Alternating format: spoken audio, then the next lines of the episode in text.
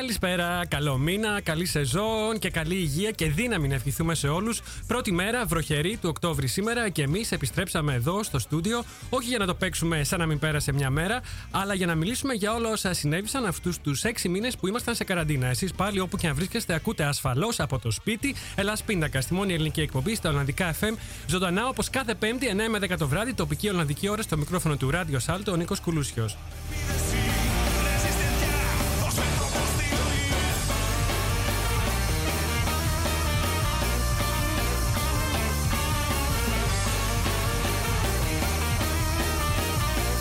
Εκπέμπουμε ζωντανά από το δημοτικό σταθμό του Άμστερνταμ. Θα μας βρείτε στο Radio Salto 106,8 των FM και καλωδιακά στο κανάλι 103,3 μόνο στην περιοχή του Άμστερνταμ. Αυτά τα δύο, ενώ διαδικτυακά μας ακούτε παντού στον κόσμο από το ελάσπιντακά.com και σε αναμετάδοση από το agapigreekradio.com.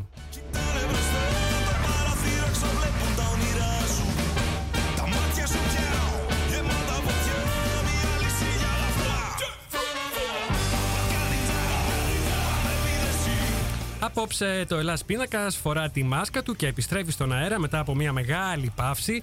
Μπορεί το 2020 να μπήκε full στραβά. Μπορεί να άλλαξε μονομιά στην καθημερινότητα και την περιβόητη κανονικότητά μας. Μπορεί ο COVID να μας κράτησε 6 μήνες μακριά από το στούντιο, αλλά τίποτα δεν κρατάει για πάντα. Οπλισμένοι με μάσκες, γάντια και αντισηπτικά, μπαίνουμε στο στούντιο απόψε και κάνουμε ποδαρικό για τη νέα σεζόν, αλλά και για τη νέα εναλλακτική κανονικότητα που ζούμε. Παρέα έχουμε δύο καλούς φίλους της εκπομπής, τον Μάικ Κλιανή και τον Γιώργο Ανδρονικίδη, με τους οποίους θα συζητήσουμε το πώς βιώσαμε την καραντίνα, το πώς αλόβητοι βγήκαμε από τους πρώτους μήνες του κορονοϊού και το τι μέλη γενέστε τώρα που μπαίνουμε στη δεύτερη φάση της πανδημίας.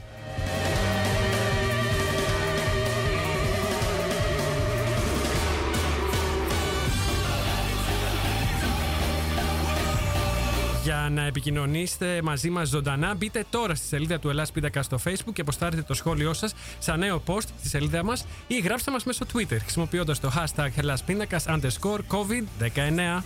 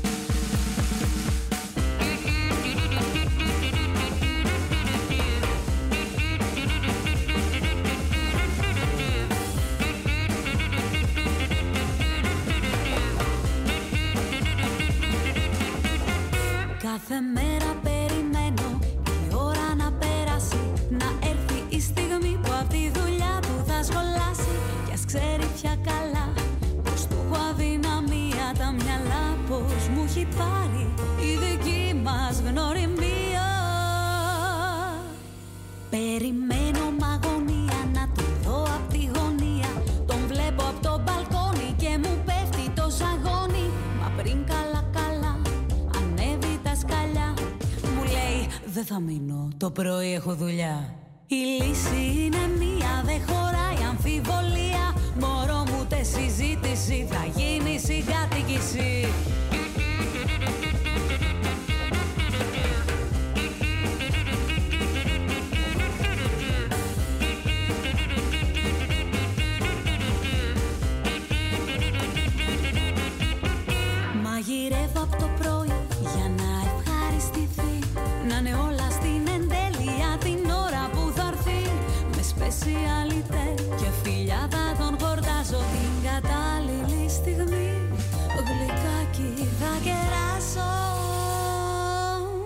Το τραπέζι έχω στρώσει για να μ' αποθέωσει Ατμόσφαιρα κεράκια και ένας γιάρι καναζάκια Και πάνω που η νύχτα προβλέπεται για δύο Μου λέει δεν θα περάσω, έχω meeting στο γραφείο Η λύση είναι μία, δεν χωράει αμφιβολία.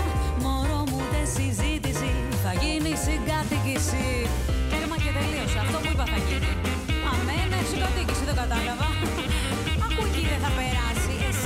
Αυτή ήταν η Σοφία Κουρτίδου, το πρώτο κομμάτι της έναρξης της πρώτης εκπομπής της νέας σεζόν. Και θα συνεχίσουμε με Penny Μπαλτατζή.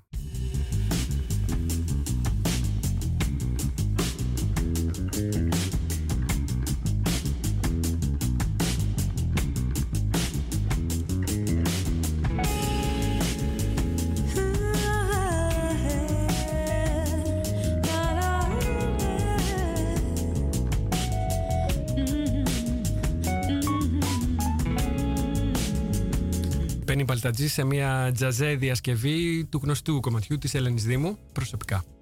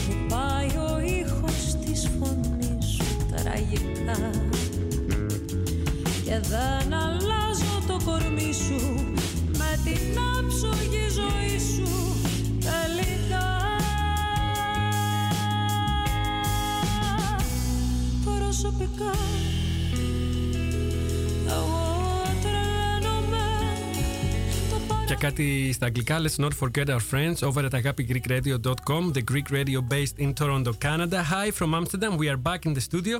Την καλησπέρα μου στη Μαρία Σκουλά, στον Θεόκριτο, στη Λεοντίν, στον Τηλέμαχο, στη Γιώτα Μπαρόν, στο Μάκη, την Μπέννη, την Μπεϊτούλ. παρέστηση προσωπικά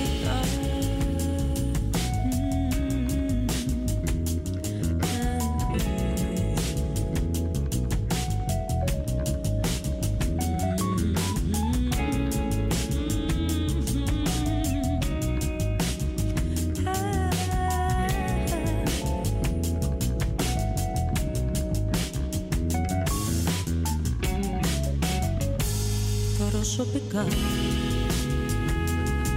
Τυχαίνει βράδια με τραγούδια λαϊκά Καλησπέρε επίσης στην Άννα Μούκα, στη Σοφία Σουσουράντα, στην Ελένη Σταματοπούλου, στη Μαριάννα που ακούει από Αθήνα, στη Δίνα Ρούση Κριτάνια Θεοδόρου, στο Στέφανο, στην Κατερίνα Αρκό, στον Ηλία από το Τίλπουργκ που μόλις μας ήρθε στην Ολλανδία. Καλή αρχή, Ηλία. Και φυσικά την καλησπέρα μου στον Νίκο Δούλο που επίσης μας έχει λείψει πολύ, πολύ. Εμένα ο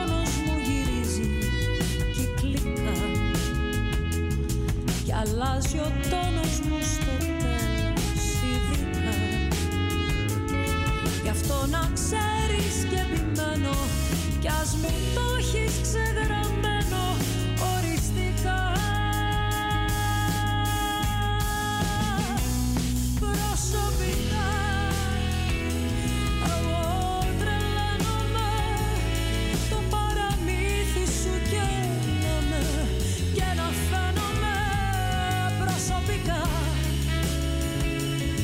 δεν έχω αίσθηση αυτό που ζούμε είναι αλήθεια η παρέστηση. προσωπικά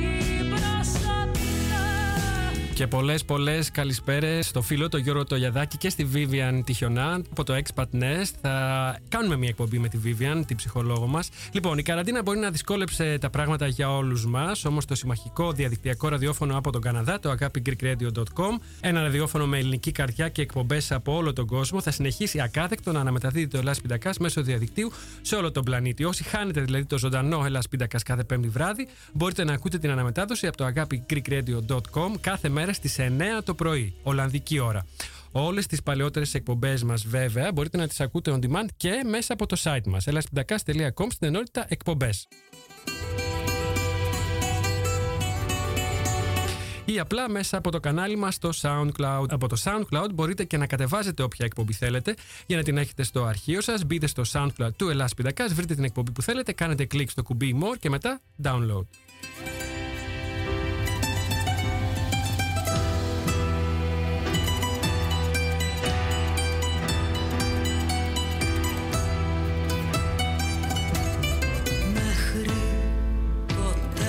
Η ψυχή κι όμως πήγαινε και πιο εκεί.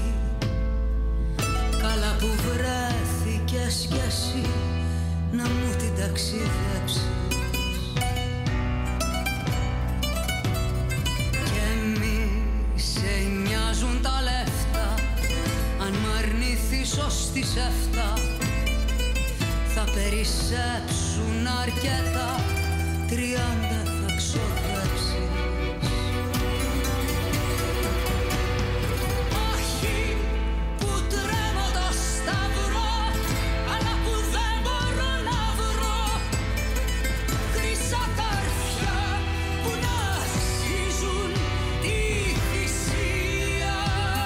Αυτή είναι η αγαπημένη μας, η Νατάσα Μποφίλου, μέχρι το τέλος.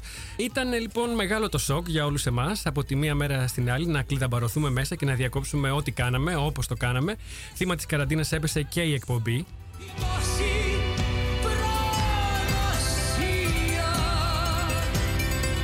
Αρχικά το Σάλτο σταμάτησε όλες τις εκπομπές. Η δημοτική ραδιοτηλεόραση του Άμστερνταμ ήταν από τις πρώτες υπηρεσίες που μπήκε σε καραντίνα αρκετά πριν ο Πρωθυπουργός εδώ ανακοινώσει τα πρώτα μέτρα.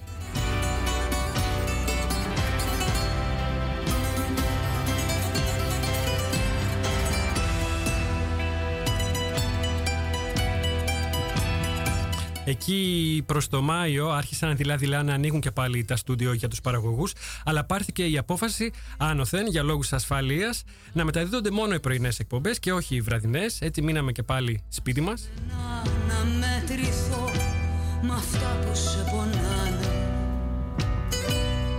Μετά ήρθε το καλοκαιράκι και το Ελασπίδακας πήγε να ξεκουραστεί στα Πάτρια. Μείναμε λίγο παραπάνω από οποιοδήποτε άλλο καλοκαίρι. Είπαμε να αρπάξουμε την ευκαιρία από τα μαλλιά. Ο πνιγμένος από τα μαλλιά του πιάνεται. Και με τούτο και με εκείνο φτάσαμε στον Οκτώβρη.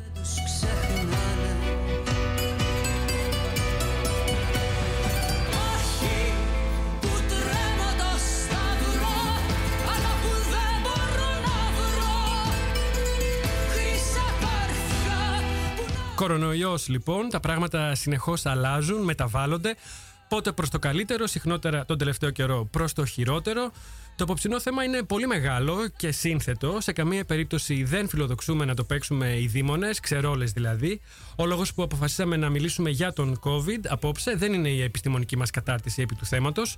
Ο λόγος που αυτή η εκπομπή θα ασχοληθεί με την πανδημία είναι γιατί δεν υπάρχει αυτή τη στιγμή ένα άλλο πιο επίκαιρο, πιο καυτό και πιο τσουρουφλιστό θέμα από αυτό.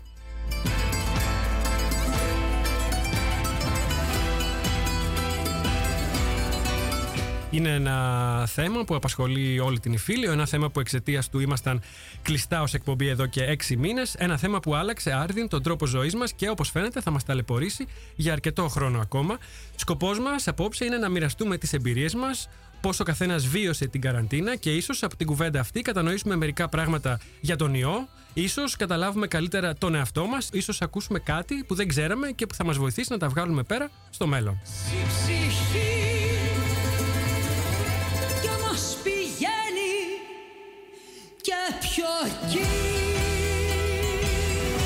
Να ξέρετε ότι θα διαβάσουμε ζωντανά τα σχόλιά σας αν τα στείλετε τώρα στη σελίδα μας στο facebook αλλά και μέσω twitter.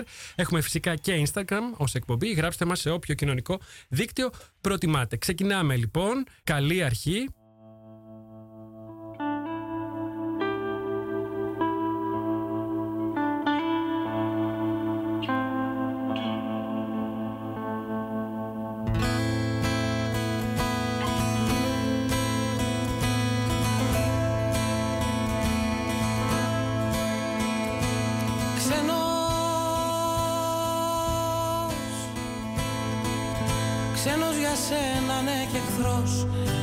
Σήμερα και μπρος Ξένος για σένα ναι και εχθρός Ανοίγω και τα μικρόφωνα όλων. Ακούμε Ματούλα Ζαμάνη, άλλη μια διασκευή. Το κομμάτι Ξένος για σένα ναι και εχθρός. Καλώς ήρθατε, Μάικ και Γιώργο. Γιώργο και Μάικ. Καλώς σας βρήκαμε. Όπα. Καλή αρχή, καλή αρχή, καλό χειμώνα να έχουμε. Όλα, όλα, όλα, όλα τα καλά του κόσμου. ναι, yeah. Δεν το νιώθουμε λίγο.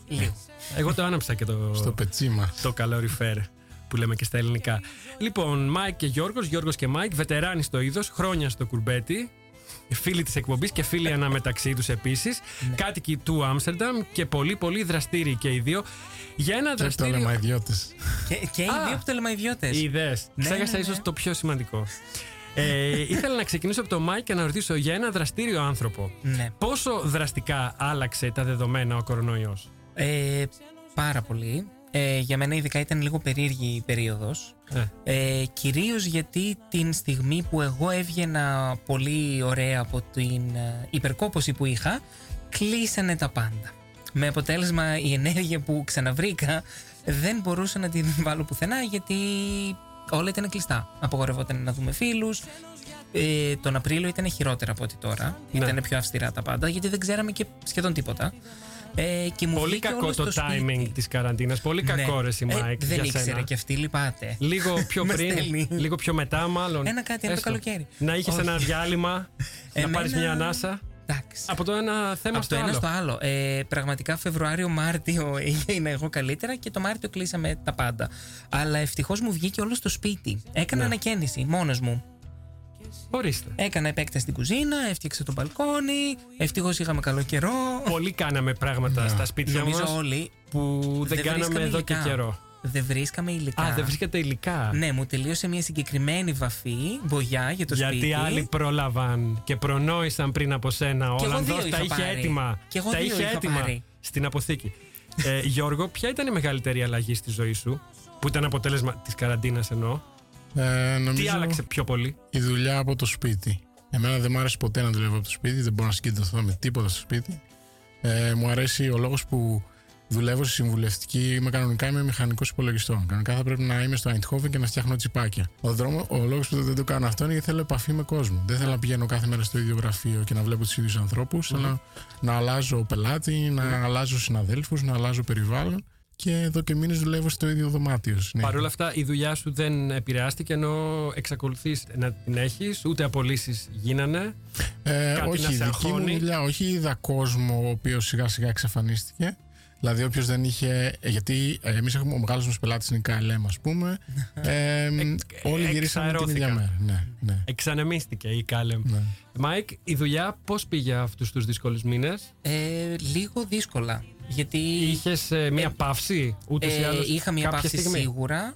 Ε, γιατί ήταν όλα κλειστά. Ναι. Ο Μωτής, για όσους δεν γνωρίζουν, ο Ναι. Μιχάλης. Ναι, ναι, ναι. Ε, οπότε- Ανάμεσα σε άλλα πολλά που κάνεις σε άλλα τώρα. διάφορα. Ε, είμαστε επάγγελμα επαφής, οπότε έπρεπε Ναι. να, να βγάλουμε κάποια άκρη για το πώς θα γίνεται η επαφή. Ναι. Γίνανε καλύτερα τα πράγματα, αλλά μπορώ να πω ότι ξεκίνησα να ξανα- ξαναχρησιμοποιώ μάσκα.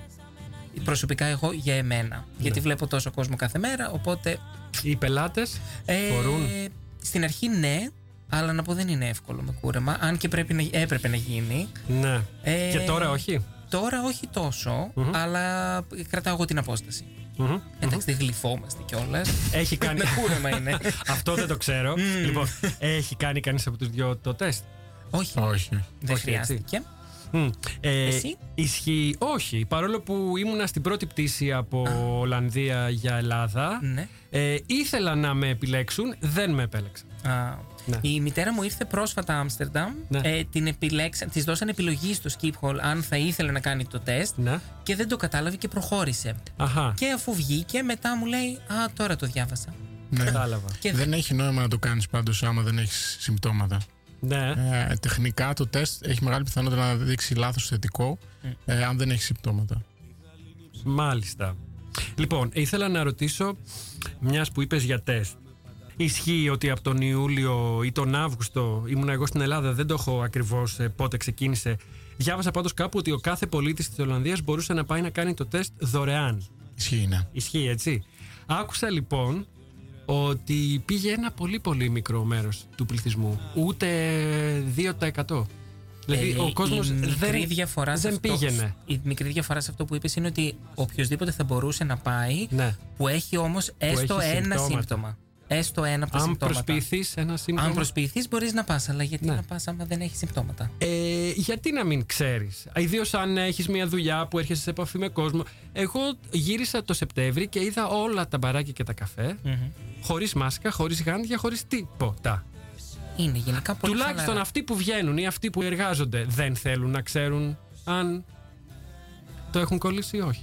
Αν δεν έχεις συμπτώματα, είναι και πολύ μικρή πιθανότητα να το έχεις. Κάτι θα έχεις Οι από όλα αυτά. ασυμπτωματικοί που ακούγαμε στην αρχή για τους ασυμπτωματικούς που ήταν ο φόβος και ο τρόμος. Ακόμα υπάρχουν ασυμπτωματικοί. Ναι. Δεν ήταν ε, φάντασμα. Όχι, ναι.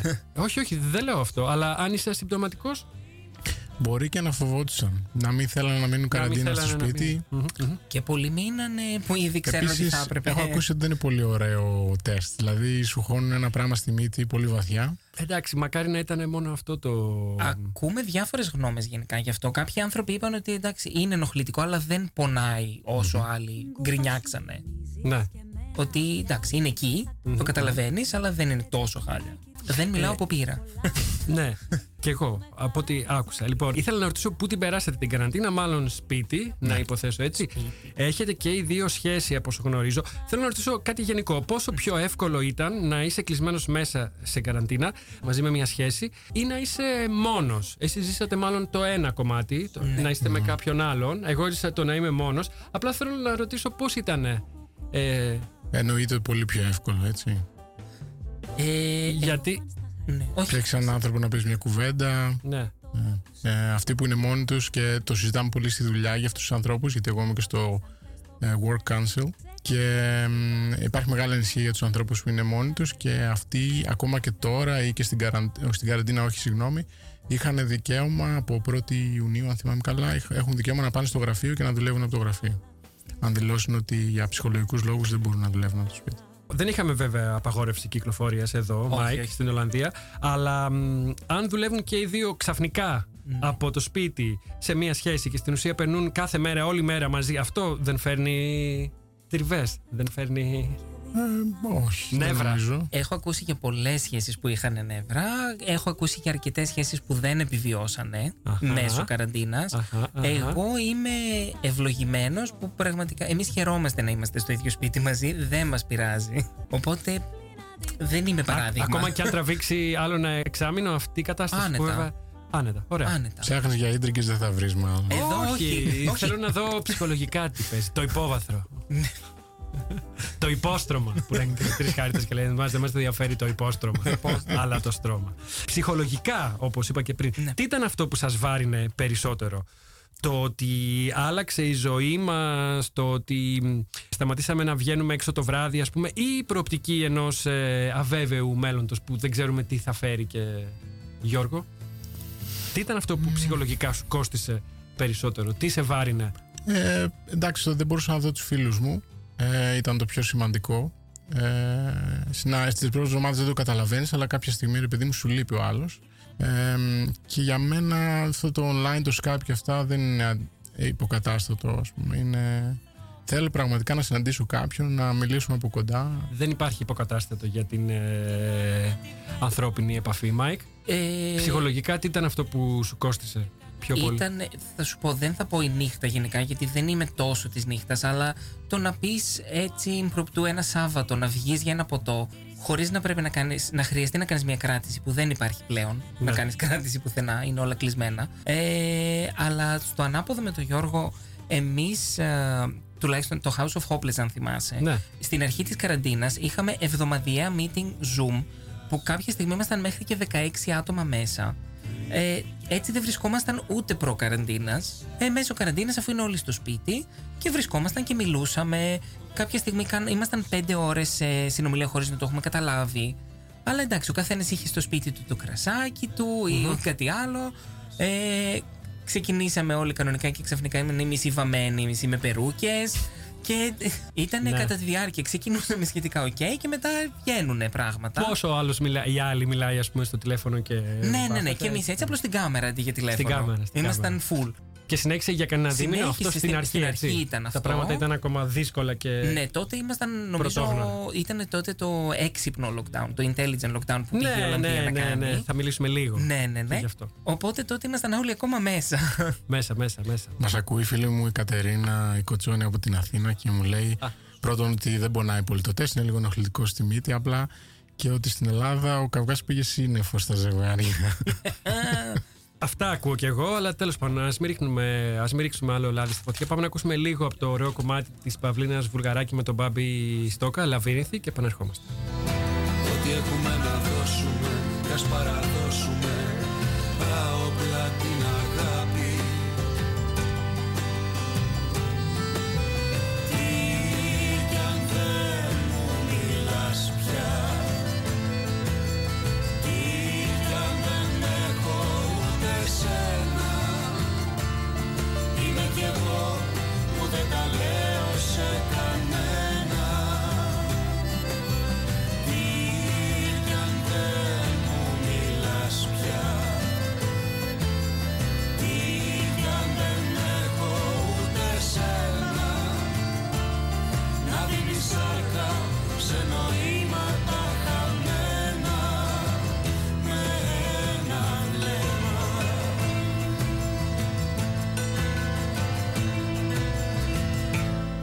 Αφήνουμε πίσω μας την Παυλίνα Βουλγαράκη και τον Μπάμπη Στόκα για να ακούσουμε Ρένα Μόρφη. Χάθηκες.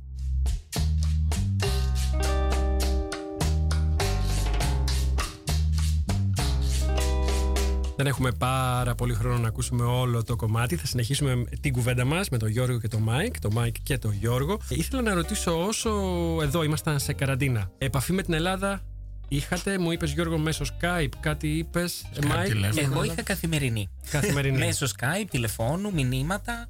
Αυτό που θέλω να ρωτήσω είναι το πώς νιώθατε όταν βλέπατε ειδήσεις από την Ελλάδα. Γιατί η δική μου εμπειρία τουλάχιστον ήταν ότι ένιωθω ότι ήμουνα σε ένα παράλληλο σύμπαν, σε δύο παράλληλες πραγματικότητες. Διαφορετικοί οι χειρισμοί, διαφορετικά τα μέτρα, εκ διαμέτρου αντίθετη η νοοτροπία. Βέβαια, μ, σε κάποια τα βρίσκουνε οι, οι, Ερώτηση. δύο, οι δύο λαοί. Έβλεπες δύο διαφορετικές ε, πραγματικότητες ή παραπάνω; Γιατί έχουμε Ελλάδα, Ναι. Α. έχουμε Ολλανδία και έχουμε και τον υπόλοιπο κόσμο που είναι ένα Ναι, εντάξει. συνονθύλευμα. Ας εστιάσουμε στις δύο χώρες που μας αφορούν. Οκ. Γιατί μετά, ναι. Ε, Ναι, αλλά. Μην πάμε και προς Αμερική, ας Στα πούμε. δύο άκρα. Ας- Α, όχι, όχι. Αλλά ήθελα να ρωτήσω, δεν προκαλούσε μια σύγχυση, ένα μπέρδεμα αυτό, οι δύο διαφορετικές προσεγγίσεις στο θέμα, δεν προκαλούσε Σίγουρα, μια ναι. κάποια σύγχυση; Εγώ βασικά όπως συνήθως συμβαίνει ε, και με όλα τα ζητήματα στους Ολλανδούς ε, τόνιζα τα καλά της Ελλάδας, της ελληνικής ας πούμε Και εγώ το κάνω τακτικής και στους Έλληνες τα καλά της Ολλανδικής τακτικής. Και εγώ το κάνω αυτό. Είναι κάτι που γίνεται γενικά νομίζω και οι τρεις μας. Άρα υπήρξαν καλά και κακά και στις δύο θεωρίες και στις δύο προσεγγίσεις. Ε, βέβαια. Από τα δύο μοντέλα, ε, δεν ξέρω αν θέλεις να πεις κάτι εδώ. Όχι, όχι. Είμαι ακριβώς την ίδια νοοτροπία με τον Γιώργο. Ότι Ναι. παντού αναγνωρίζεις και καλά και κακά, Μμμ. αλλά δεν μπορούμε να τις συνδυάσουμε. Από τα δύο μοντέλα, παρόλα αυτά, θέλω να ρωτήσω από το Ολλανδικό το Intelligent Lockdown και το ελληνικό το σκληρό lockdown με απαγόρευση, με SMS κτλ.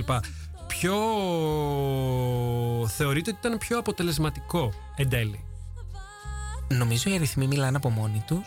Ναι, Ε, άρα το ελληνικό ε, σύστημα. Η αρχή τουλάχιστον. Η του, αρχή, η αρχή ναι, του. ναι, ναι. Στην αρχή χρειαζόταν αρχή. ένα καλό lockdown για να περιορίσεις το πόσο, τε, Γιατί πόσοι άνθρωποι έχουν τον ιό. Ναι. έχουν πει γενικά και οι επιστήμονες ότι αν δώσεις σε έναν άνθρωπο την επιλογή να κάνει α- αυτό που πρέπει να κάνει και κάτι άλλο το οποίο είναι πιο εύκολο, αν του δώσεις την επιλογή και όχι εντολή, θα κάνει αυτό που είναι πιο εύκολο. Οπότε το intelligent lockdown δεν ήταν ακριβώς lockdown. Να τα λέμε και αυτά. ναι. Ήταν Στην ένα Ελλάδα- lockdown. Ήταν DEMEC, όπως λέμε και πάνω. Ντεμεκ, ντεμεκ. Αυτό που θέλω να πω εγώ, γιατί σωστά είπες στην αρχή το Ναι. ελληνικό είχε Ναι. αποτελέσματα, ήταν ότι τα μέτρα που πάρθηκαν στην Ελλάδα με την απαγόρευση κυκλοφορίας είχαν αποτέλεσμα να έχουμε φυσικά πολύ λίγους νεκρούς στη χώρα. Όμως μετά την ε, απαγόρευση κυκλοφορίας, είδαμε να αντιστρέφεται η κατάσταση. Μμμ. Το ερώτημα είναι δηλαδή το να κλειστούμε όλοι μέσα για να μην κολλήσουμε ήταν μια λύση αποτελεσματική ή ούτως ή άλλως όπως φάνηκε εκ του αποτελέσματος από το Μάιο και ύστερα ήταν μόνο μια λύση ανάγκης γιατί δεν είχαμε αρκετές μεθ. Και μετά ε, καταλήξαμε, βρεθήκαμε να κάνουμε τώρα όσα κάνανε στην Ολλανδία από τον Απρίλιο. Δηλαδή ανοιχτή οικονομία, ανοιχτά μαγαζιά με πλεξιγκλάς και τεστ. Ναι, αλλά εδώ βλέπεις αυτή τη στιγμή παίρνεις την απάντησή σου, ε, απάντησή σου από τα Ολλανδικά νούμερα. Ναι. Όπου ενώ στην αρχή είπανε «Δε- πάμε για ε, ανοσία γέλης, το οποίο σημαίνει ότι αφήνουμε λίγο πιο χύμα, οπότε αργότερα δεν θα ανεβούμε σε αριθμούς Ελεγχόμενοι. Και τώρα ξανανεβήκανε και πολύ παραπάνω από ό,τι στην αρχή. Ναι. Οπότε κάπου στη μέση πρέπει να υπάρχει αυτό. Ναι. Προσωπικά δεν μπορώ να πω ποιο, πού ακριβώς στη μέση. δεν Εκεί- είμαι. δεν είμαστε. Ναι. επιστήμονας. Γιώργο, Ε, η κοίταξε. άποψή σου. Ε, αν δεν κάνεις στην αρχή το αρχικό lockdown, όπου ο κόσμος δεν ξέρει ακόμα τι είναι ο ιός, πώς μπορεί να προστατευτεί. Ε, Lockdown κάνανε και στην Ολλανδία. Ναι. Ε, δεν ήταν Αν δεν lockdown. κάνεις το ελληνικό lockdown, να το πω έτσι, Α, Ή το ε, ισπανικό ή το ιταλικό θα lockdown. ξεφύγουν τόσο οι αριθμοί σου που δεν θα έχεις τον έλεγχο ποτέ ξανά. Ε, Όπως δεν έχει τον έλεγχο η Ισπανία, για παράδειγμα, αυτή τη στιγμή. Ε, η Αγγλία, ξέρω εγώ, ε, οι η, Ηνωμένες Ολλανδία, η Πολιτείες. Ολλανδία κράτησε έναν έλεγχο; Ε, νομίζω ότι οι Ολλανδοί τώρα προσπαθούν να τα μαζέψουν, αλλά δεν θα μπορέσουν. Δηλαδή Ναι. έχουν ξεφύγει σε νούμερα. Άμα δεις ανακάτοικο τα νούμερα, είναι από τα μεγαλύτερα στην Ευρώπη. Ε, γιατί εγώ αυτά κοιτάω. Το ανακάτοικο παίζει ρόλο Ναι, και το μέγεθος της ακριβώς. χώρας. Αλλά ναι, στην αρχή χρειάζεται ένα lockdown. Αλλά το να νομίζω ότι θα μπορείς να μείνεις στα νούμερα που είχαμε, ξέρω εγώ, το Μάιο, είναι και ε, ουτοπικό τελείως. Ναι. Κάποια στιγμή πρέπει να συνηθίσουμε σε λίγο πιο μεγαλύτερα νούμερα καθημερινά. Ε, μεγάλος παράγοντας είναι και ο ρυθμός μετάδοσης. Το το οποίο θα Ναι. προσπαθούσαμε να το κρατήσουμε κάτω από το 1, το οποίο σημαίνει ότι ο ένας Το ένα. Το κάνει positivity ένα. rate. Στην Ολλανδία έχουμε φύγει αρκετά πάνω από το 1 τις τελευταίες 3-4 εβδομάδες. Ναι. Ε, πρόσφατα είχαμε καινούργια μέτρα. Να δούμε πώς θα πάνε. Τρεις εβδομάδες τουλάχιστον. Για να δούμε αριθμούς. Ναι. Πώς είμαστε αυτή τη στιγμή, είμαστε στις 6.500 περίπου. ε, Νεκρούς θα- εννοείς. Νεκρούς. Και ναι. Στην έχουμε Ολλανδία. μέχρι 2.000 είδα κάπου κρούσματα την ημέρα. Ένα λεπτό. 5.000. Ε, να την προηγούμενη- προετοιμαστούμε, λέει, για 5.000 κρούσματα καθημερινά, νέα κρούσματα καθημερινά. Μπορεί, Θα μπορεί. πλησιάσουμε τέτοιους αριθμούς. Ε, εξαρτάται ποιοι το παθαίνουν. Ε. Αυτή τη στιγμή οι περισσότεροι που το παθαίνουν είναι φοιτητές. Έχουμε ξεκινήσει το φοιτητικό έτος. Υπάρχει υποδοχή πρωτοετών. Ε, γίνεται χαμός σε Delft, σε Άμστερνταμ, σε όλες τις Ναι. φοιτητικές ε, πόλεις. Ναι. Αυτό δεν είναι κακό. Ε, δηλαδή, αν θέλεις να αποκτήσεις κάποια στιγμή αγέλη. Πώς Εννοείς λέγεται, επειδή είναι ένας πληθυσμός με καλή υγεία. Ναι, που και μπορεί μικρές να- πιθανότητες να καταλήξεις σε μεθ. Πολύ μικρές πιθανότητες. Δηλαδή, άμα δούμε λίγο ψύχρεμα τα νούμερα και τον ιό και να προσπαθήσουμε όσο μπορούμε πιο επιστημονικά να το δούμε, συνήθως είναι πολύ μικρή πιθανότητα ένας φοιτητής τώρα να καταλήξει σε μεθ. Ε, οπότε, καλό είναι αυτοί να αποκτούν ανοσία. Άρα εκεί είναι εφαρμόσιμη η θεωρία της ανοσίας της Αγέλης. Ναι, εγώ πιστεύω πως Πιστεύεις; ναι. Και οι Σουηδοί το πιστεύουν αυτό. Σε συγκεκριμένες Και, ομάδε. Τουλάχιστον. Αν όχι στο γενικό πληθυσμό. Ναι, πρέπει να. Κάποια στιγμή, δηλαδή, ε, το, ε, κάποιοι πιστεύουν ότι σε δύο-τρεις μήνες θα βγει το εμβόλιο. Ε, δεν θα βγει σε δύο-τρεις μήνες το εμβόλιο, θα βγει σε δύο-τρία χρόνια. Και εγώ αυτό πιστεύω. Και αν βγει δεν θα είναι αξιόπιστο. Ακριβώς. Ναι, ναι, ναι. Μπορεί να είναι επικίνδυνο, μπορεί να μην δουλεύει σωστά. Άρα στο τέλος τέλος η ανοσία της αγέλης μήπως φτάσει να είναι η μόνη λύση μέχρι να βρεθεί το εμβόλιο; Απλά κανένας δεν θέλει να το πει, να χρησιμοποιήσει τις λέξεις αυτές. Ε, δεν είναι μόνο Τι αυτό το πιστεύεις; πρόβλημα, γιατί η ανοσία της αγέλης χρειάζεται ένα τεράστιο ποσοστό του πληθυσμού να, για να Ναι. απαλλαγούμε από τον ιό. Που είναι Να με- το- μεγάλο ναι. το ρίσκο για το πώς Με θα αυτούς τους χαθούν. ρυθμούς που έχουμε τώρα, θα μας πάρει 10 χρόνια να Και πιάσουμε. επίσης, ακριβώς και ανοσία της επίσης. αγέλης. Ναι, γιατί έχουμε και μέτρα. Δεν γίνονται και τα Ναι. δύο, και μέτρα και. να ανοσία. κρατήσει και τους αριθμούς. Αλλά επίσης λένε ότι ακόμα και όσοι κολλήσουν και περάσουν ε, μ, τον κορονοϊό, δεν είναι απαραίτητο και αυτόματο ότι θα αποκτήσουν ε, και εγγυημένο ότι θα αποκτήσουν ανοσία. Χρειάζονται έρευνες, ακόμα δεν ξέρουμε ακριβώς. Ακριβώς. Είναι ακόμα αρκετά νωρίς για να έχουμε ένα ναι ή ένα όχι. Υπήρξαν άτομα τα οποία ε, ξανανόσησαν με, ε, δεύτερη Ναι, φορά ναι, μετά, ναι, ναι, ναι. αλλά είναι τόσο λίγα τα άτομα, τουλάχιστον που είναι Α. καταγεγραμμένα, το οποίο μέχρι στιγμής δεν μπαίνει καν σε έρευνα. Δεν μπορεί να αλλάξει αυτό. Ε. Ε, πιστεύετε, πιστεύει κανείς από τους δυο σας ότι υπήρχε ένας εναλλακτικός τρόπος αντιμετώπισης; Πέραν των ε, lockdown ή πέραν του τρόπου της Ελλάδας και της Ολλανδίας; Υπήρχε κάτι άλλο που μπορούσαμε να κάνουμε; Εγώ έχω μία απάντηση. Θες πρώτα τη δική σου; Ε, όχι.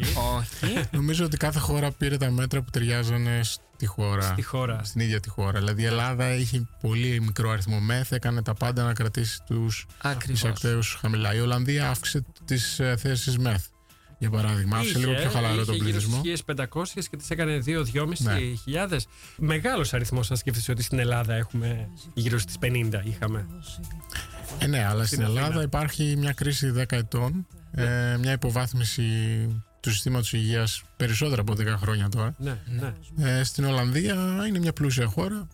Ε, απολαμβάνει τους καρπούς των κόπων τους και τον κόπο και των υπόλοιπων Ευρωπαίων που καταλήγουν τα Πού είναι λεφτά τους εδώ; εδώ. που επενδύσαν. Ε, η λύση που είχα ακούσει εγώ, βέβαια όλοι μιλάνε εκ των υστέρων, ας το σημειώσουμε και αυτό. Λένε τέλος πάντων αρκετοί πως δεν έπρεπε να γίνει γενικό lockdown, έπρεπε να προστατευτούν επαρκώς οι ευάλωτες ομάδες, οι οίκοι ευγυρίας, άνθρωποι με προπάρχοντα νοσήματα κτλ. Να πάρθουν μέτρα, ναι, όπως οι αποστάσεις ασφαλείας ή η χρήση μασκών και αντισηπτικών κτλ. για όλους, αλλά κατά τα άλλα η οικονομία να μην κλείσει και ο υπόλοιπος πληθυσμός να θωρακιστεί όσο καλύτερα μπορεί, αλλά να μην κλειστεί στο σπίτι του. Πώς το ακούτε αυτό το σενάριο, Να προστατευτούν βέβαια οι ευάλωτες ομάδες. Είναι σχεδόν αδύνατο νομίζω να γίνει αυτό σε τέτοιο βαθμό ώστε να είναι όντως ασφαλείς αυτές Να, οι γίνουν- ομάδες. να γίνονται, ας πούμε, χειρουργικά lockdown. Ναι, μικρό- Όπως τώρα. Ναι. Ε, ένα μικρό παράδειγμα, ο οίκος Ευγυρίας στην Θεσσαλονίκη. Το οποίο ήταν ούτε ένα μήνα πριν. Ναι. Ε, όπου ένα συγκεκριμένο Ξέφυγε άτομο που δούλευε Ο- εκεί Ναι, α, να, μπράβο. Αυτό πήγε, εννοείς. βγήκε το βράδυ, Βγήκε το βράδυ. Ναι, ναι. πήρε κάτι Και γύρισε. και πίσω. γύρισε πίσω και το έδωσε Κόλλησε σε κάτι, 40 άτομα. Ναι. Το οποίο. Ε, Ποιος θα δουλεύει σε αυτό το κέντρο, στο το κέντρο ευγυρίας, αν δεν είναι νέος; Ε, δηλαδή είναι, είναι, θα μπουν και αυτοί σε καραντίνα. Θα μπορούσαν όσοι βγαίνουν εκτός του ιδρύματος Μμμ. ε, επιστρέφοντας ε, να τους γίνεται τεστ. Θα μπορούσε. Επίσης είναι σε άλλη Τέλος πραγματικότητα. πάντων. Είναι δύσκολα, Ναι. θεωρώ. Μμμ. Γιώργο, αυτή η λύση Κοίταξε, του να προστατευτούν οι ευάλωτες ομάδες με μικρά τοπικά lockdown, χειρουργικά, αλλά ο υπόλοιπος πληθυσμός αυτό λίγο πολύ το έκανε η Σουηδία και το προς το προσπάθησε. παρόν Ναι. Ναι, καλά πάει, αλλά και η Σουηδία έλαβε μέτρα που επηρεάζουν την οικονομία. Δηλαδή, απαγορεύτηκαν μεγάλες εκδηλώσεις. Δηλαδή, κάποιοι είχαν ζημιά. Κάποιες Ναι. επιχειρήσεις είχαν ζημιά. Ε, εμέπειτα, πώς, πώς θα συνεχίσει να ε, ε, τρέχει η οικονομία ε, κρατώντας τα μέτρα ασφαλείας αφού πρέπει να κρατάμε 1,5 μέτρο απόσταση δεν μπορούμε να έχουμε τις ίδιες ε, χωρητικότητες σε εστιατόρια και σε κλαμπ και σε οτιδήποτε Μμμ. οπότε είναι αδύνατο να πεις ότι θα κρατήσω τα μέτρα αλλά δεν θα επηρεάσω και την οικονομία ε. Ε, αναγκαστικά άμα πάρεις μέτρα θα επηρεαστεί η οικονομία Είχα ακούσει κάποια στιγμή όσο ήμουν στην Ελλάδα, είχα διαβάσει μάλλον πως είχαν πάρθει σκληρότερα μέτρα, όπως μάσκα σε εξωτερικούς χώρους, στις τρεις μεγάλες πόλεις Άμστερνταμ, Ρότερνταμ και Χάγη της Ολλανδίας. Ισχύει αυτό; Ήταν νομίζω για Σε μία κάποιους εβδομάδα ή δρόμους. δύο εβδομάδε. Ήταν μόνο σε δύο πόλεις. Η Χάγη δεν ήταν μέσα. Η σε Χάγη δεν αυτές. ήταν μέσα. Ε, ήταν μόνο Άμστερνταμ και Ρότερνταμ και Ναι. ήταν συγκεκριμένες περιοχές και δρόμοι Αχα. ε, όπου κυρίως όλο αυτό ήταν πείραμα. Το οποίο είχαν πει ότι είναι και πείραμα. Ναι. Δηλαδή ήταν, το γνώριζε ο κόσμος, Α, άσχετα ότι γκρίνιαζε. Ε, παράδειγμα ήταν κάποιες εξωτερικές αγορές, λαϊκές αγορές. Ε, όπου ή κάπου στράτια ε, ναι, οι, οι μεγάλες αγορές ε, κανονικές η Calverstraat η Calverstraat, το Albert Kauf Market, Ε, κατάλαβα. ε, τα κόκκινα φανάρια μας. Α, Ε, εκεί πέρα ήταν τα αναγκαστικό. οποία είχαν ανοίξει βέβαια ήδη Ναι, εκεί τα δεν... μαγαζιά. Είχαν ανοίξει τα μαγαζιά Ναι. για δουλειές κανονικά. Τώρα Ναι. δεν ξέρω εκεί πώς γινόταν η δουλειά. Ε, με κανόνες ε, συμπεριφοράς. ναι, πραγματικά. Μη χει- όχι χειραψία, αλλά τα υπόλοιπα ναι. Ναι. Ε, και στο Ρότερνταμ επίσης σε ίδιες παρόμοιες περιοχές όπου υπήρχε συνοστισμός. Και μετά γιατί σταμάτησε το μέτρο αυτό; Ε, γιατί ήταν πείραμα και θέλανε σε αυτές. ήτανε πειραματικά. Ήταν πειραματικά ε, τρεις εβδομάδες, όπου στις τρεις εβδομάδες έχεις αριθμούς και μπορείς να δεις αν υπήρξε αλλαγή. Ε, και δεν ήταν νομίζω καλή η αλλαγή και αποφασίσαν να το σταματήσουν. Μάλιστα. Οι Ολλανδοί, οι φίλοι σας, πώς το έβλεπαν το θέμα; Συμφωνούσαν με τα Νο- μέτρα. Νομίζω να συμφωνούσαν μην με... γενικοποιούμε, γιατί έχουμε, όπως και στην Ελλάδα, και έχουμε Ολλανδούς και Ωραία. Ολλανδούς. Αυτό, αυτό είναι μια καλή απάντηση. Ναι. Απλά ήθελα να σου πω, οι φίλοι σου, στην πλειοψηφία Ναι, τους, ναι, ναι. συμφωνούσαν ή ήταν αντίθετοι; Γιατί. Δεν είναι μόνο ακριβώς το συμφωνούσαν, γιατί ε, ο καθένας είναι λίγο στον κόσμο του το τελευταίο διάστημα. Ναι. Δηλαδή, συμφωνούμε, μιλάμε και όλοι κατανοούν τα πάντα, αλλά μετά το επόμενο Σάββατο μαθαίνω ότι έχουν πάει σε ένα rave στο Amsterdam North. το οποίο ξαφνικά στις 3 η ώρα τους κάνει μπάστη η αστυνομία. Και λέω, βρε μεγάλε, ναι, ναι. μαζί τα λέγαμε. ναι, ναι. Στο θέμα της μάσκας, εκεί το πήγαινα. Στο θέμα της μάσκας. Ε, Εναντιώθηκαν, εναντιώνονται όπως ας πούμε στην Ελλάδα και σε πολλές χώρες. Γίνονται και διαδηλώσεις Ναι. κατά της χρήσης μάσκας σε Γαλλία, Γερμανία και Ελλάδα φυσικά. Εδώ γίνανε. Ε, Όχι, Εδώ δεν- δεν γίνανε κατά της μάσκας. Υπάρχουν κάποιες ομάδες και άτομα. Πρόσφατα και όλα την προηγούμενη εβδομάδα έγινε γνωστό ένα κίνημα. Το ε, Δεν συμφωνώ πλέον. Πλέον. Ε, όχι, ik do need me may. Το Α, οποίο είναι- συμμετέχω Δεν Δεν πλέον. συμμετέχω. Δεν συμμετέχω, Δεν ναι, συμμετέχω ναι. πλέον. Μάλιστα. Ε, Αλλά η αλήθεια είναι ότι η απάντηση σε αυτούς ήταν τόσο μεγάλη κατευθείαν που νομίζω εμένα με χαροποίησε. Ότι έδειξε τουλάχιστον κριτική σκέψη σε μεγάλο κομμάτι του κόσμου. Πάντως στην Ολλανδία δεν έχει επιβληθεί μάσκα και σε, μα- σε πολλά μέρη, ας πούμε. Μόνο Για να στη έχουμε μέσα μαζικής μεταφοράς. αντιδράσεις, Ναι. ε, Ναι. Μόνο κάθε- εχθές υπήρξε καινούρια. Ε, και, όχι, ούτε καν μέτρο. Ήταν ισχυρή ε, πρόταση. Προτροπή. Προτροπή. Ήταν δυνατή Συμβουλή. προτροπή να φοράτε τη μάσκα σας. We strongly advise. Ναι. Ναι. Ναι, ναι, ναι, ναι. Γιώργο, είδα ότι στο πολιτικό σκηνικό αυτοί που ασκούσαν, ε, άσκησαν και ασκούσαν ε, την ε, μεγαλύτερη κριτική στο Ρούτε ήταν ε, ο Βίλτερ. Ισχύει αυτό; Ε, Εντάξει, ο Σκληρή Βίλντερ είναι κόντρα. ένας λαϊκιστής. Ναι. Οπότε όταν υπάρχει λαϊκή δυσαρέσκεια με τα μέτρα, όταν ε, χάνεις τη δουλειά Θα πάρει, σου, όταν. Ε, το, φυσικά. το μέτρο που ακούγεται ωραία στα αυτιά του κόσμου. Ήταν η προσέγγιση του, έμοιαζε με αυτή του Τραμπ, για να το πούμε έτσι λίγο γενικά και να το κλείσουμε, γιατί δεν είναι και Ε, το κοίταξε, αγαπημένο μου θέμα. Δεν το παρακολούθησα και πολύ, αλλά μπορώ, να- αν σου- θα σου θυμίσω ότι Ήταν, όταν. ας πούμε, κατά της μάσκας, ήταν κατά των απαγορεύσεων, μιλούσε για ιδιωτικότητα και υποτίθεται για παραβίαση των ε, δικαιωμάτων των Ε, πολιτών. Πώς, πώς λέγεται αυτή η έκφραση με τα αυτή, Ναι. χαϊδεύεται αυτή ή Χαϊδεύει οποιοδήποτε τα αυτιά. ο Βίλντερ. Χαϊδεύει τα αυτιά. Κάτι άλλο, αφού μιλήσαμε για ακραίους, που παρατήρησα όλο αυτό το διάστημα, παρατήρησα δύο ακραίες αντιδράσεις. Από τη μία, είχαμε αυτούς που ενέδωσαν στο φόβο τους και κοιμόταν ε, με το αντισηπτικό κάτω από το μαξιλάρι τους. Από την άλλη, όμως, είχαμε αυτούς που αψηφούσαν τη σοβαρότητα της κατάστασης και δεν έπαιρναν σχεδόν κανένα μέτρο, για να μην είμαστε και απόλυτοι. σχεδόν κανένα μέτρο. Η αλήθεια είναι μάλλον κάπου στη μέση, όπως είπαμε και πριν. Ε, Αυτές οι δύο είναι οι ακραίες, οι αντιδράσεις και ο πολύς ο κόσμος ήταν κάπου στη μέση; Πιστεύετε; Νομίζω ότι έχει να κάνει και με το, ε, τη φάση της ζωής σου ή την, το είδος της δουλειάς σου. Ας πούμε, όταν μιλούσα με την, ε, με την, μια ιδιοκτήτρια ενός μπαρ, ας πούμε, μου έλεγε ήταν ε, ε, 100% ενάντια των μέτρων και τα θεωρεί όλα υπερβολή και ε, χρησιμοποιούσε τα επιχειρήματα του ότι εντάξει ο ιός δεν αγγίζει και πολύ κόσμο ή ε, πεθαίνουν μόνο οι μεγάλης ηλικίας ε, και όταν μιλάς ε, με κάποιον ο οποίος δεν τον επηρεάζει, ας πούμε, όπως τους αδέλφους μου, πολλούς συναδέλφους μου, δεν τους επηρεάζει, ας πούμε, η, η κρίση. Ναι. Ίσα ίσα που τώρα δουλεύουν και από το σπίτι και γουστάρουν που δεν είναι όλη την ώρα σε ένα αυτοκίνητο, ξέρω εγώ, σε, μες στην κίνηση Ναι. και έχουν, ώρες, να- έχουν την ώρα να δουν την οικογένειά τους, ε, ξέρω εγώ, τα, τα παιδιά τους. Ε, αυτούς, ε, αυτοί είναι υπέρ ε, του κάντε ό,τι λέει η κυβέρνηση, ξέρω εγώ. Γιατί ούτως ή άλλως ε, μια, χα- μπορεί να περνάει και καλύτερα τώρα, να σου πω έτσι. Στην Ελλάδα είχαμε και την Εκκλησία, η οποία έπαιζε το ρόλο του. Μάικ, Συγγνώμη, δεν μπορώ. τα είπες όλα με το νεύμα σου. Ναι, ναι, ναι. Έπαιζε το ρόλο του αντάρτη. Ποιος η Εκκλησία; Ναι.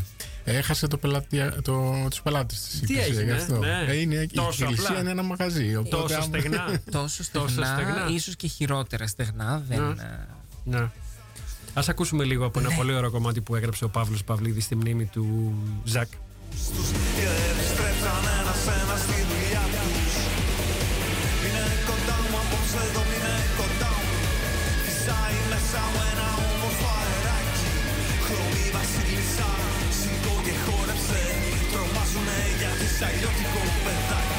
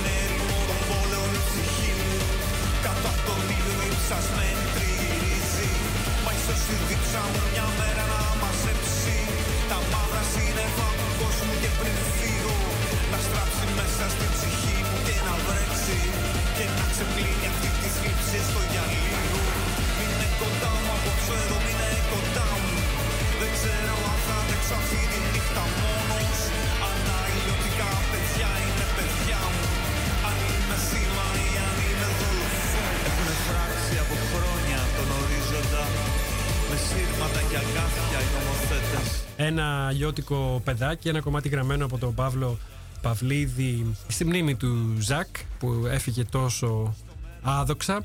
Πού είχαμε μείνει, Είχαμε Στο μείνει στο Παπαδαριό. παπαδαριό. Ναι. Α τα αφήσουμε, μωρέ. Α τα αφήσουμε. Αυτό.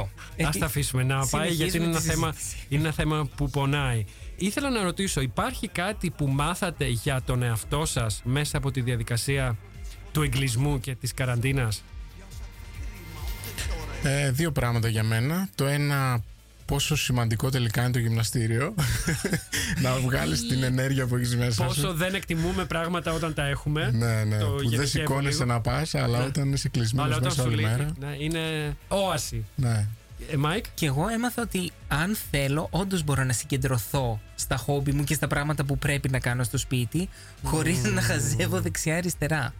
Αλλά είχα πολύ χρόνο, οπότε δεν ξέρω Ναι. αν ισχύει. Τις αντοχές μας, τις αντοχές σας τις δοκιμάσατε, τα όρια σας, τεστάρατε την ανθεκτικότητά σας σε δύσκολες καταστάσεις. Ε, Γιώργο. προφανώς. Θέλοντας Εγώ, και εμείς. παιδιά, ε, Δεν ήταν κάποια στιγμή οριακή. Υπήρχε κάτι που σε σώκαρε. Ας πούμε, εμένα με σώκαραν τα άδεια ράφια τις πρώτες μέρες. Ε, Α, δεν σε το είχα τέτοιο, δει. Ναι. ναι, ναι, Ναι. Όταν ε, δεν μπορούσαμε να βρούμε. Εκεί δεν δοκιμάστηκαν, χαρτί δεν δοκιμάστηκαν λίγο και Εκεί οι θα σου αντοχές πω. μας και τα όρια μας ως Εμείς πολίτες. και οι δύο, γιατί μπορώ να μιλήσω και για τον σύζυγο, για Ναι, τον ναι, ναι. Ρικ ταυτόχρονα, ε, είχαμε ένα τεράστιο δίλημμα. Το οποίο είναι, οκ, ξέρουμε ότι όλο αυτό είναι ένας ε, ψυχολογικός κάπως πόλεμος, γιατί βλέπεις ένα Ναι. άδειο ράφι και ξέρεις ότι θα έρθει αύριο, Ναι. αλλά ταυτόχρονα βλέπεις το άδειο ράφι και σκέφτεσαι, θα έρθει αύριο. Άμα βρω να μην πάρω δύο για να έχω σίγουρα, και ενώ ξέραμε ότι δεν υπήρχε λόγος να μαζέψουμε πράγματα, μαζέψαμε. Αλλά προσπαθήσαμε στο λίγο πιο εύκαιρο, στο λίγο πιο λίγο να πω, όχι τόσο πολύ όσο άλλος. Ε, δεν πήραμε χαρτί τουαλέτας όπως τρέξανε όλοι, αλλά εντάξει, δύο ριζάκια αντί για ένα, δύο τοματοπελτέδες. Και εγώ λίγο αλευράκι, λίγο. Αλλά δεν με χάλασε. τοματοπέλτε. Γιατί τότε ήταν, έπρεπε να βγούμε και λιγότερο από το σπίτι, οπότε δεν βγαίναμε για να πάμε σούπερ μάρκετ. Ναι.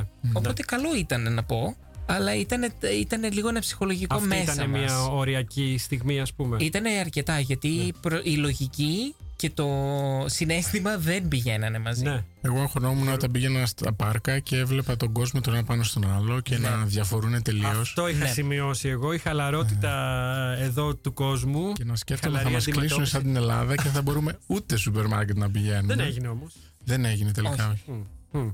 Αίσθηση του χρόνου είχατε; Νιώθατε τον χρόνο να περνά γρήγορα ή αργά; Εγώ προσπάθησα να έχω κανονικά έναν ρυθμό όπως έπρεπε. Έβαλα το ξυπνητήρι μου, σηκώθηκα στην ώρα μου και ας μην είχα να κάνω τίποτα. Ήξερες κάθε μέρα τι μέρα ήταν. Απάντησε μου ειλικρινά. Ε, θα σου πω, μέσα σε όλο το διάστημα, πραγματικά μόνο μία μέρα δεν ήξερα τι μέρα ήταν. Γιατί το προηγούμενο βράδυ κάθισα και έβλεπα σειρές μέχρι αργά το πρωί. Α, θα και πούμε και ξύπνησα γι' και αυτό. είναι Να άλλη προλάβουμε. ώρα. Ναι, ναι, ναι. Αλλά γενικά Γιώργο- ναι, είχα το πρόγραμμά μου. Εγώ καλά.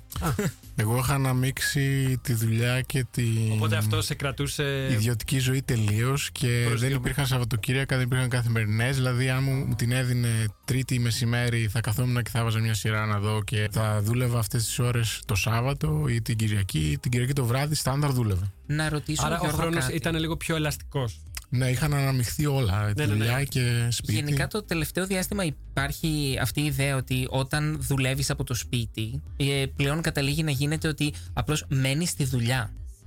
Ότι γυρίζει λίγο να πω ότι η δουλειά σου είναι Δουλεύεις ούτως ή άλλως περισσότερο σίγουρα. δουλεύεις περισσότερο Ναι. γιατί έχεις τον εαυτό σου, λες, θα πάρω πέντε λεπτά εδώ εκεί, αλλά δεν τα παίρνεις αυτά τα λεπτά. Πιο πολύ με την ιδέα του ε, δεν έχω να κάνω και τίποτα. Δηλαδή δεν Ναι. έχω να πάω γυμναστήριο, δεν έχω Ναι. να συναντήσω κανέναν. ε, αλλά άρα, δημιούργησε ναι. γωνία στο σπίτι σου που είχες που δούλευες ή δούλευες οπουδήποτε. Σωστά, υπήρχε ο, ο Ε, κατάλληλος όχι, δουλεύω σε γραφείο γιατί έχω ε, τη σκοκύλη και δεν μπορώ να δουλεύω οπουδήποτε. Πρέπει να είναι Όχι, η καλή γωνία στάση του εννοεί σώματος. η γωνιά σου. Δηλαδή Ναι, το ναι, Ναι, γραφείο ναι, σου. γιατί έχω οθόνη, έχω. Με ησυχία. Με- Ναι, ησυχία, αν και όλοι στη γειτονιά αποφάσισαν να, να κάνουν δουλειές. Οπότε όλη την ώρα παίξω. Εδώ εγώ στον απολογούμε, μπαμ, μπαμ, λυπάμαι. Όντως. Είμαι ένας από αυτούς. Αχ, θα σε καριδώσω. Δεν τρυπούσα. Ευτυχώς. εβδομάδα άλλο Τι να κτίριο. ζαλέει τα χαλιά. Ε, τι Όλη να μέρα. κάνω. Ηλεκτρική, Τι να τρεις ώρες την κάνω, ναι. ημέρα. Εγώ μιλάω για σοβαρές δουλειές. Ναι, ναι, ναι. όχι. Ναι, ναι, ναι, ναι, ναι, ναι. Ε, αυτά που κάνουν οι Ολλανδοί με την πρώτη ευκαιρία. Το έχουν και εύκολο. Υπήρχαν στιγμές που νιώσατε ευάλωτοι; Και ποιες ήταν αυτές οι στιγμές; Ε, ήθελα να πάω το Πάσχα στους γονείς μου. Και Εκεί ένιωσα εντελώς σε πόνεσε λίγο. αδύναμος. Ναι. Αδύναμος. Ε, και φοβόμουν και να πάω γιατί έχω παππούδες 96 Μπρος χρονών. γκρεμός και ψωρέμα. ναι. Δηλαδή. Άσε λες- που νομίζω δεν ήταν και εφικτό. ε, όχι, ήταν Τον ακόμα Απρίλιο. lockdown τότε. Ναι. Ναι. Αυτοί που προσπαθούσαν και κυκλοφόρησαν και στι ομάδε στο Facebook να νοικιάσουν ε, βανάκια μυστικά και να πάνε να κάνουν Πάσχα στην Ελλάδα, το πήρατε; Δεν ήταν. όχι. Νομίζω ότι ήταν Είδηση. τρολιά όλο αυτό. Αν θυμάμαι καλά, Ε, γιατί τώρα, εκείνη την ε, περίοδο. δεν τους έχεις ικανούς. Εγώ θα τους τους έχω είχε ικανούς. ικανούς. Αλλά γενικά άλλη πηγή μου είπε ότι Α. γενικά το άτομο που ξεκινούσε τις συζητήσεις ήταν λίγο τρολ. Οπότε δεν ξέρω αν όντως έγινε. Τα τρόλ δεν, δεν θα μας αφήσουν να, να ορθοποδήσουμε. Ναι, να Αλλά βγάλουμε είναι μια, διασκεδαστική τουλάχιστον. μια είδηση, μια πληροφορία. Ευάλωτος, ένιωσες Ε, μόνο μία. Αβοήθητος, αδύναμος. Ε, θα σου πω, επειδή είχα ένα πρόβλημα υγείας σχετικά πρόσφατα, ε, όπου τηλεφώνησα και για να έρθει να με πάρει ασθενοφόρο και μου είπανε, το οποίο ίσχυε όντως, τους καταλαβαίνω, Ότι; ότι, προτιμότερο να σε αφήσουμε στο σπίτι μέχρι αύριο το πρωί γιατί εδώ γίνεται ένας χαμός. Μέσε άκρες, δεν μου το είπαν έτσι οι άνθρωποι, αλλά ήταν λίγο ένα... μ, Εκεί έβρισα. Και γενικά δεν βρίζω σε άτομα που τους θελω Και η άλλη στιγμή που ένιωσα λίγο πιο ευάλωτος, να πω την αλήθεια, δεν ήταν Ναι. τελείως προσωπικό. Ε, ήταν ότι όταν χρειάστηκε να πετάξει η μητέρα μου από Ελλάδα εδώ για την αποθεραπεία μου, Ναι. ε, υπήρχε και εκεί πέρα γενικά θα μπορέσει να έρθει, μήπως κολλήσει κάτι. Το διαδικαστικό πιο πολύ κόλλημα, αλλά και θέμα Ναι. υγείας. Τις πρώτες τέσσερις μέρες Ναι. ε, δεν υπήρχε, δεν είχαμε σχεδόν καθόλου επαφή. Ναι. Δηλαδή ήμασταν εντάξει, στο δωμάτιό της, στο δικό μου δωμάτιο. Ναι. Επειδή πρέπει να τελειώνουμε, μία Ναι, τελευταία ναι. ερώτηση για το θέμα αυτό. Ήθελα να ρωτήσω και τους δύο αν υπάρχει κάτι που θα μπορούσαμε να κάνουμε, πιστεύετε, για να αποφύγουμε την πανδημία ως ανθρωπότητα. Αν ήταν αναπόφευκτο αυτό που μας συνέβη. Νομίζω ότι δεν ήταν αναπόφευκτο και Ναι. νομίζω ότι μπορεί και να μην είναι η τελευταία φορά που γίνεται. Γενικά αλλάζουμε, πράγματα αλλάζουν, αρρώστιες γίνονται πιο έξυπνες, Μμμ, γιατί ανανεώνονται όπως και εμείς. Το θέμα είναι μάθαμε κάτι από αυτό για την επόμενη φορά να είμαστε καλύτεροι; Αυτό το δίδαγμα, Γιώργο. Ε, μ, τα είπε τόσο ωραίο ο Μάικ, δεν έχω Ναι. να προσθέσω τίποτα. Θα πω μόνο ένα Μάθαμε το- κάτι. Ε, θα δούμε. Ακόμα Μάθαμε νωρίς τουλάχιστον είναι. να πλένουμε Μπορεί να τα μάθουμε χέρια μας. αργότερα. να πω ένα τελευταίο. Είναι το μεγάλο παράδοξο αυτό των τέτοιων αρρωστιών ότι Ναι. αν κα- και τέλεια να το κάναμε, ε, οι μισοί δεν θα το καταλάβουν γιατί θα πούνε αφού δεν έγινε τίποτα. Ναι, ιδέες. Είναι το παράδοξο. Μονάτικα δικά τους τα Έτσι. θέλει ο κόσμος. Και κάτι τελευταίο, μία σειρά που είδατε μέσα στην καραντίνα και την προτείνετε ο καθένας. Μία Ε, σειρά; Μόλις τελειώσαμε το Ratchet. Ε, αυτό, αυτό τώρα. Ε, εννοώ τώρα εννοώ. για, για μέσα στην καραντίνα. Δε, μες στην καραντίνα Α, οκ. παλιά, αγαπημένα. Γιώργο; Ε, The Good Wife. Ω, Έλα. Πολύ καλή σειρά. Δεν την Α, είχα πάρε- δει. την ε, Τώρα. συστήνω ανεπιφύλακτα σε όλους. Ε, οι νεοαφιχθέντες συνεχίζουν το έργο τους. Online. Online, online. Γιώργο. Ωραία. Και Μάικ, ναι. η Μπανάνα Μούσχουρη και τα drag κορίτσια έχουν παραλύσει. Κάνουν Έχουν πράγματα. παραλύσει. Ευτυχώς Διαδικτυακά. μιλάμε δι- διαδικτυακά μεταξύ μας. Ναι. Ε, και αν ανοίξει η νύχτα, είμαστε έτοιμες. Αλλά είναι αν ανοίξει. Υποθετικό. Μάλιστα. Λοιπόν, η ώρα πέρασε σαν νεράκι, φτάσαμε στο τέλος. Πολλά ευχαριστώ στους γενναίους μασκοφόρους Γιώργο Ανδρονικίδη και Μάικ Κλιανή. Εμείς κάπου εδώ σας λέμε goeienavond και ανανεώνουμε το ραντεβού μας για την επόμενη Πέμπτη, πάντα σε 9 το βράδυ, τοπική ώρα από το ράδιο Σάλτο. Ακολουθεί η εκπομπή Finger Popping Soul εδώ στο ράδιο Σάλτο. Ήδη είναι μέσα στο ίδιο στούντιο αυτή τη φορά. Οι συνάδελφοι του Finger Popping Soul μας κάνανε έκπληξη. Θα μεταδώσω την εκπομπή από το ίδιο στούντιο όπως εμάς. Μέχρι την επόμενη Πέμπτη μπείτε στο elaspidacast.com για να ακούσετε παλιότερε εκπομπές. Να είστε καλά και μακριά από τις αιστείες έξαρση του COVID-19. Ναι. Καλό Παρασκευό Σαββατοκύριακο σε όλους. Το Tforhende Care. Ντουντουι.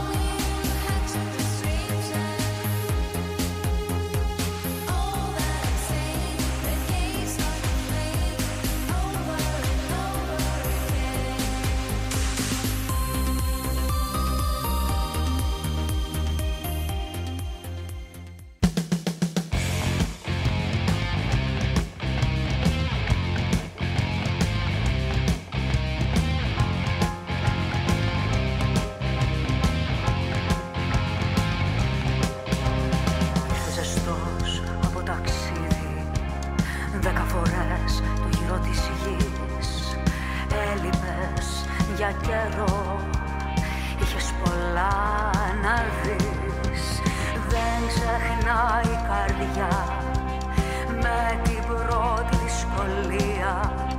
Έλα κοντά, πάμε ξανά μαζί.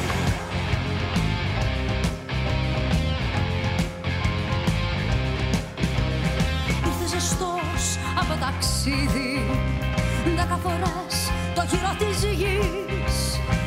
Έλειπες για καιρό Είχες πολλά